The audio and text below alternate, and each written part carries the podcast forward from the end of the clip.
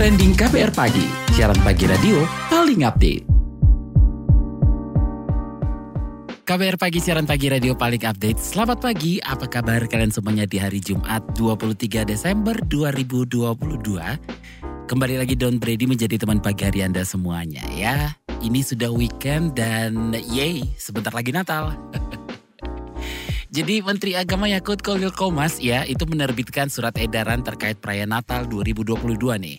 Ibadah Natal kali ini digelar secara luring dan bisa diisi maksimal 100% dari kapasitas ruangan gereja.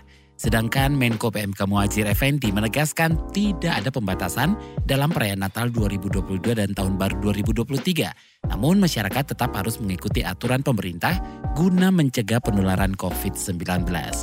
Ngomongin soal ibadah dan perayaan Natal, masih ingat gak sih dengan GKI Yasmin di Bogor, Jawa Barat? Selama belasan tahun gereja ini disegel sehingga jemaat tidak bisa menggelar ibadah. Kemudian 2021 lalu sengketa diakhiri dengan terbitnya izin mendirikan rumah ibadah untuk GKI Yasmin. Lokasinya di Jalan Kiai Haji Abdullah bin Nuh, Cilandak, Bogor Barat. Nah, Natal tahun ini GKI Yasmin bisa menggelar ibadah untuk pertama kalinya. Wali Kota Bogor Bima Arya menyiapkan antisipasi salah satunya soal keamanan demi kelancaran jalannya ibadah. Pemerintah Bogor bakal melibatkan forum koordinasi pimpinan daerah Forkompimda dan di Pekan HAM Kota Bogor 2022. Wali Kota Bogor Bima Arya mengklaim kotanya memberikan teladan penyelesaian polemik pembangunan rumah ibadah dengan tuntasnya masalah GKI Yasmin. Bima menyebut penyelesaian ini berkat komunikasi dengan berbagai pihak. Sebelum kita bahas lebih lanjut soal ini, seperti biasa, kita dengarkan dulu komentar warganet plus 62 berikut ini.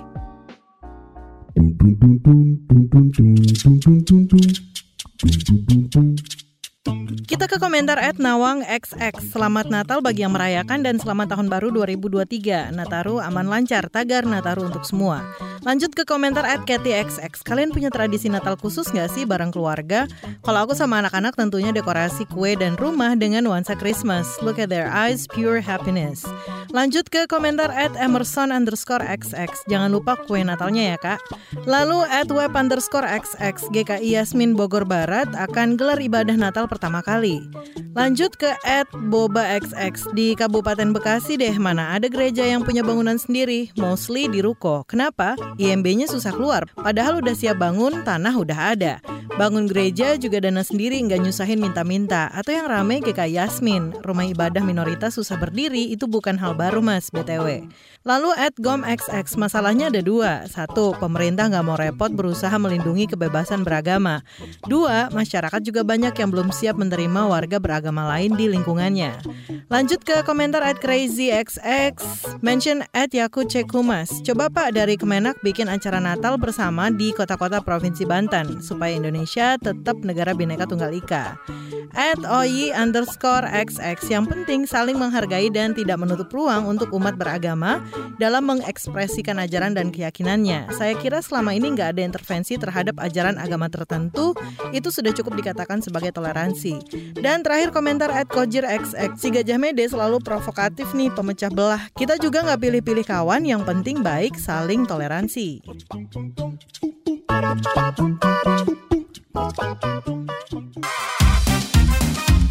What's Trending KPR Pagi, siaran pagi radio paling update. Kita lanjutkan obrolan kita pagi ini jadi berdasarkan indeks hak asasi manusia yang dirilis setara institut. Skor kebebasan beragama dan berkeyakinan 2022 adalah 3,7. Angka ini naik 1,1 alias membaik dibanding tahun lalu. Turunnya jumlah kasus, khususnya gangguan terhadap rumah ibadah menjadi salah satu indikatornya. Nah untuk mencari tahu rencana perayaan Natal pertama di GKI Yasmin, kita bakal ngobrol bareng Sekretaris Satu Badan Pekerja Majelis GKI Sinode Wilayah Jawa Barat, Pendeta Darwin Darmawan. Uh, Pak Pendeta, apakah benar jemaat GKI Yasmin bisa beribadah Natal di lokasi baru? Betul, betul. Ya, sebagian besar sudah menerima karena konsennya kan mendapatkan tempat ibadah. Lalu pemerintah memberikan hibah di lokasi yang satu kilometer dari tanah yang sengketa. Nah, sebagian besar sih sudah terima, tapi ada mungkin sekitar 15 orang yang masih bertahan berharap di tanah tersebut dibangun gereja. Nah, gimana respon jemaat gereja dengan lokasi sekarang? Ya itu tadi, sebagian besar sudah terima karena melihat kebutuhan adalah rumah ibadah dan ada upaya sungguh-sungguh dari pemerintah, masyarakat Kota Bogor, lalu tokoh-tokoh masyarakat dan tokoh agama untuk move on dan mencari jalan keluar. Ya, diberikan hibah, izin didapatkan, artinya kan bukan karena menolak gerejaan sih gitu ya. Nah, jadi sebagian besar menerima sudah move on, tetapi ada sebagian dari anggota jemaat di sana yang masih insist ya di sini pokoknya nggak bisa nggak harus titik. Nah, pada titik ini kan sesuatu yang kalau kita bertahan terus-terusan, seakan-akan semua narasi dalam kehidupan berbangsa itu buruk gitu. Karena satu kasus yang sebetulnya ada solusi. Hukum itu kan upaya legal yang harus kita kedepankan. Ya. Tapi ada hal-hal lain di luar hukum yang perlu jadi pertimbangan. Ya, relasi, keharmonisan sosial, walaupun nggak boleh dikorbankan hukum, tapi ada fakta-fakta yang nggak oke, okay, tetapi kita nggak bisa berbuat banyak selain berbesar hati. Kan bagian dari solusi yang kita sepakati bersama-sama ya. E, pemerintah, masyarakat, lalu gereja, kita sudah sepakat bahwa e, yang dilakukan pemerintah kota Bogor itu sebuah solusi yang perlu kita apresiasi. Betapapun prosesnya panjang, tapi ada jalan keluar. Dan kita sangat bersyukur untuk ini. Nah, eh, pandangan Anda sendiri seperti apa? Eh, sebetulnya secara normatif tidak bisa dong.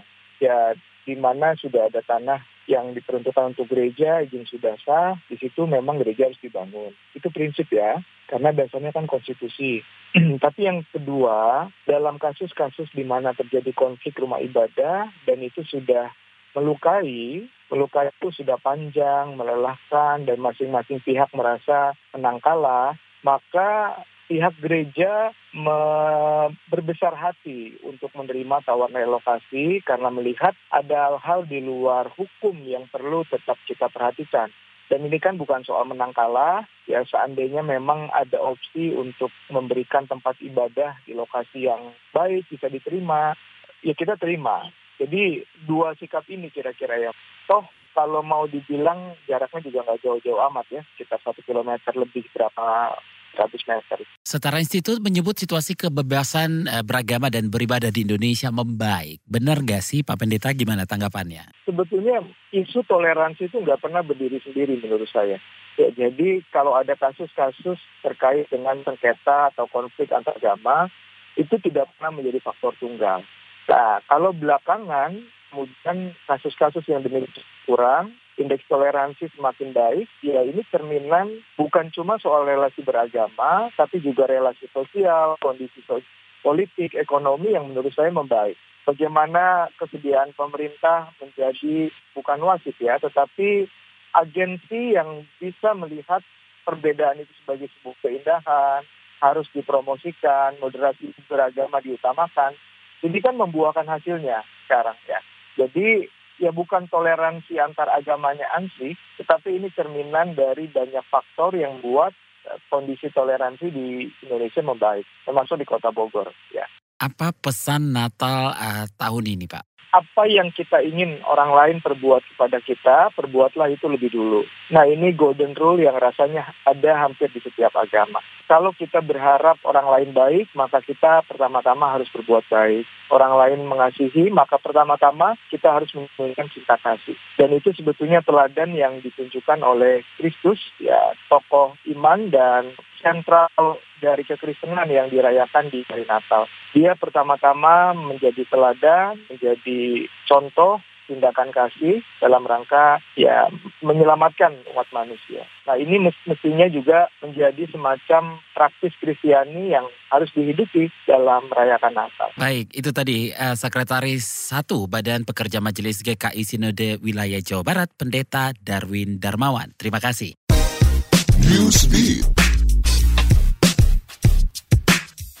Jelang perayaan Natal, Arab Saudi ikut bersolek. Dikutip dari CNN, pertokoan di sana sudah dihiasi pernak-pernik Natal. Bahkan salah satu toko berencana menggelar Natal bersama dengan menyajikan beragam roti dan minuman. Ini merupakan tahun ketiga Natal boleh dirayakan di Arab Saudi. Setelah putra mahkota Pangeran Mohammed bin Salman, MBS memberi lampu hijau. Bahkan MBS di 2020 menyatakan umat Kristen tidak perlu lagi merayakan Natal secara sembunyi-sembunyi. Publik menyambut baik kebijakan toleran Saudi sebab jemaah Kristen kini bisa menyambut Natal penuh sukacita dan tanpa rasa takut. Perdana Menteri Malaysia Anwar Ibrahim makin kokoh memegang mandat sebagai pemimpin negeri jiran. Anwar Ibrahim lolos dari mosi tidak percaya yang digelar Parlemen Dewan Rakyat pada 19 Desember 2022. Anwar Ibrahim tempat dipertanyakan legitimasi pemerintahannya oleh anggota parlemen dari Perikatan Nasional PN. Namun setelah dilakukan pemungutan suara, mayoritas parlemen mendukung pemerintahan Anwar. Pemimpin dari Perikatan Harapan Barisan Nasional BN Gabungan Parti Sarawak PSG, Gabungan Rakyat Sabah GRS, dan Parti Warisan Warisan akhirnya menandatangani nota kesepahaman MOU yang berisi dukungan semua partai dan koalisi untuk Anwar Ibrahim.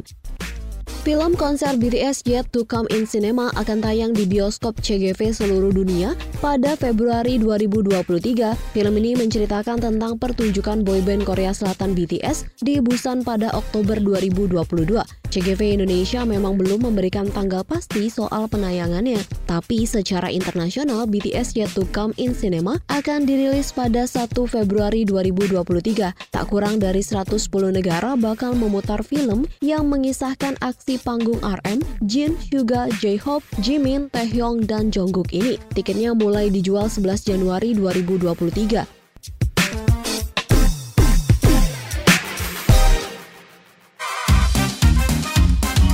Trending KBR Pagi, siaran pagi radio paling update. Masih bersama Don Brady di What's Trending KBR Pagi, kita lagi ngobrolin uh, Natal pertama GKI Yasmin dan potret kebebasan beragama.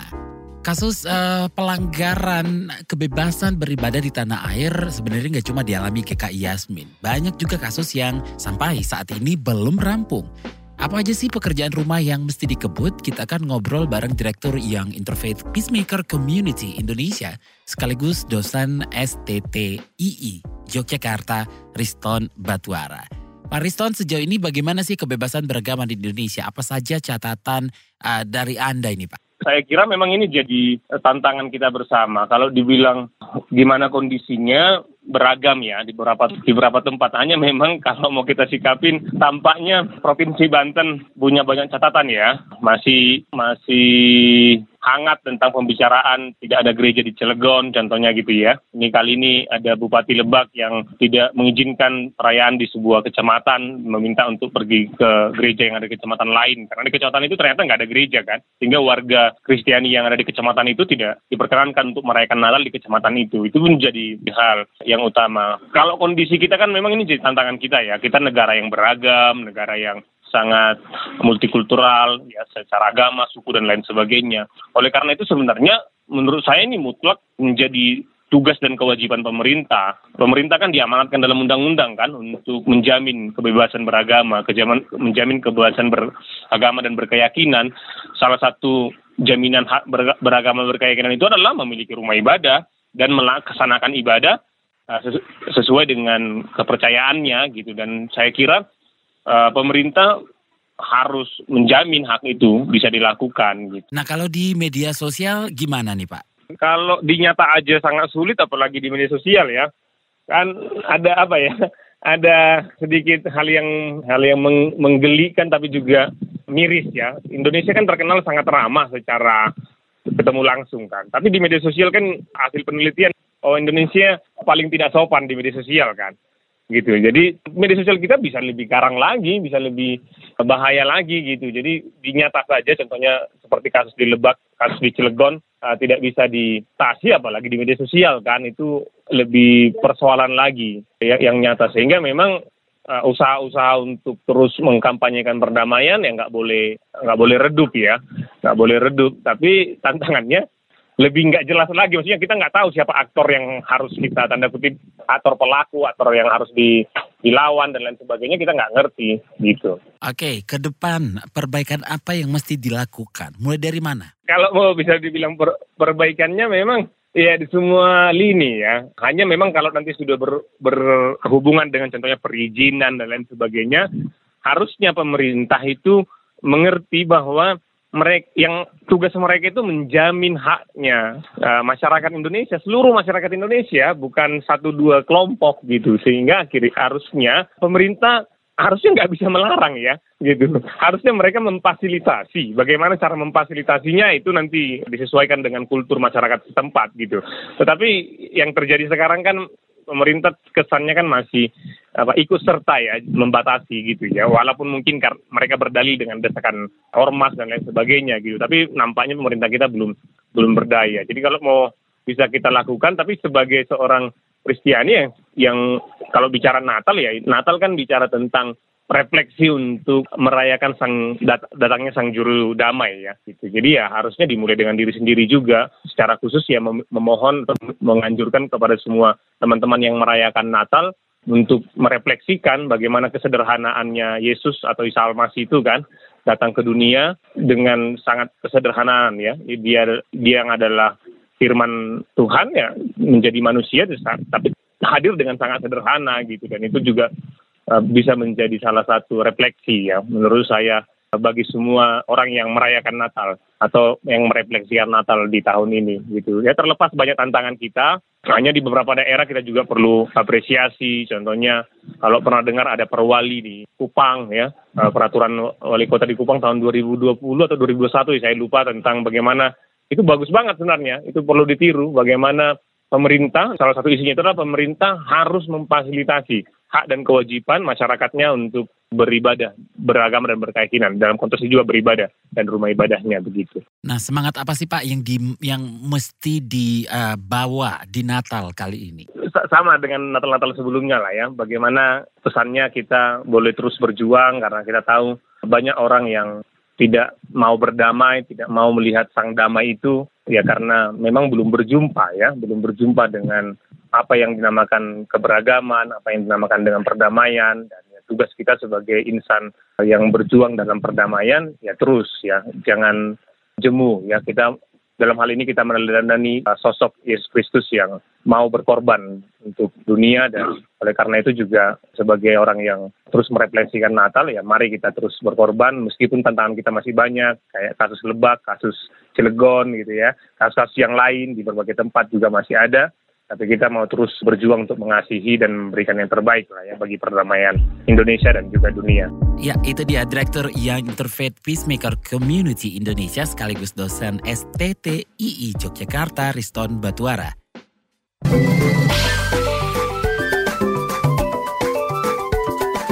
WhatsApp Indonesia.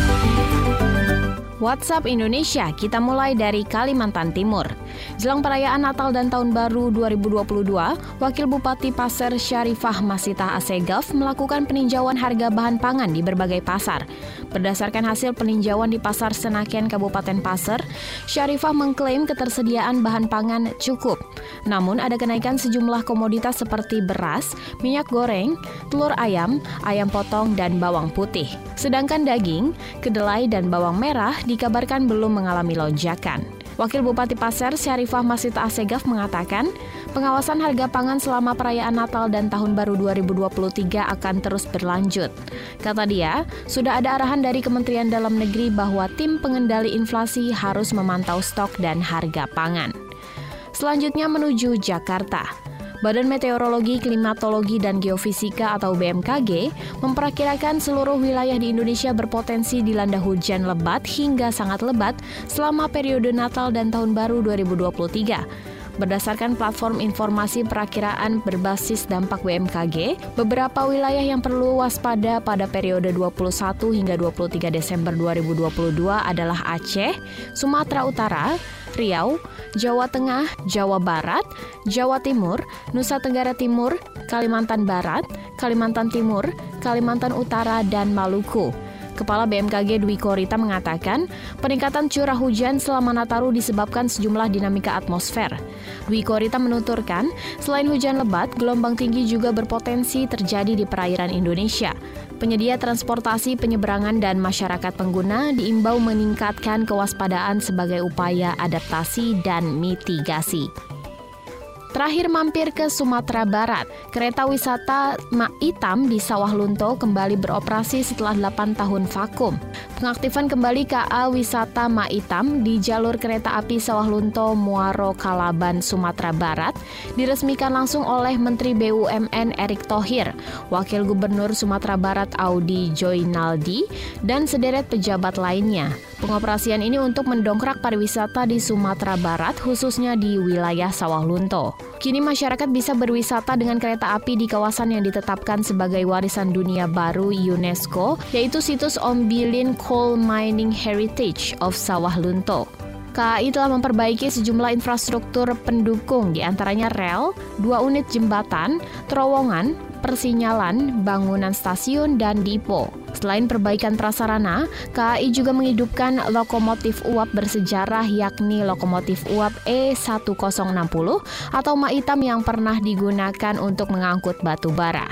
Demikian WhatsApp Indonesia hari ini.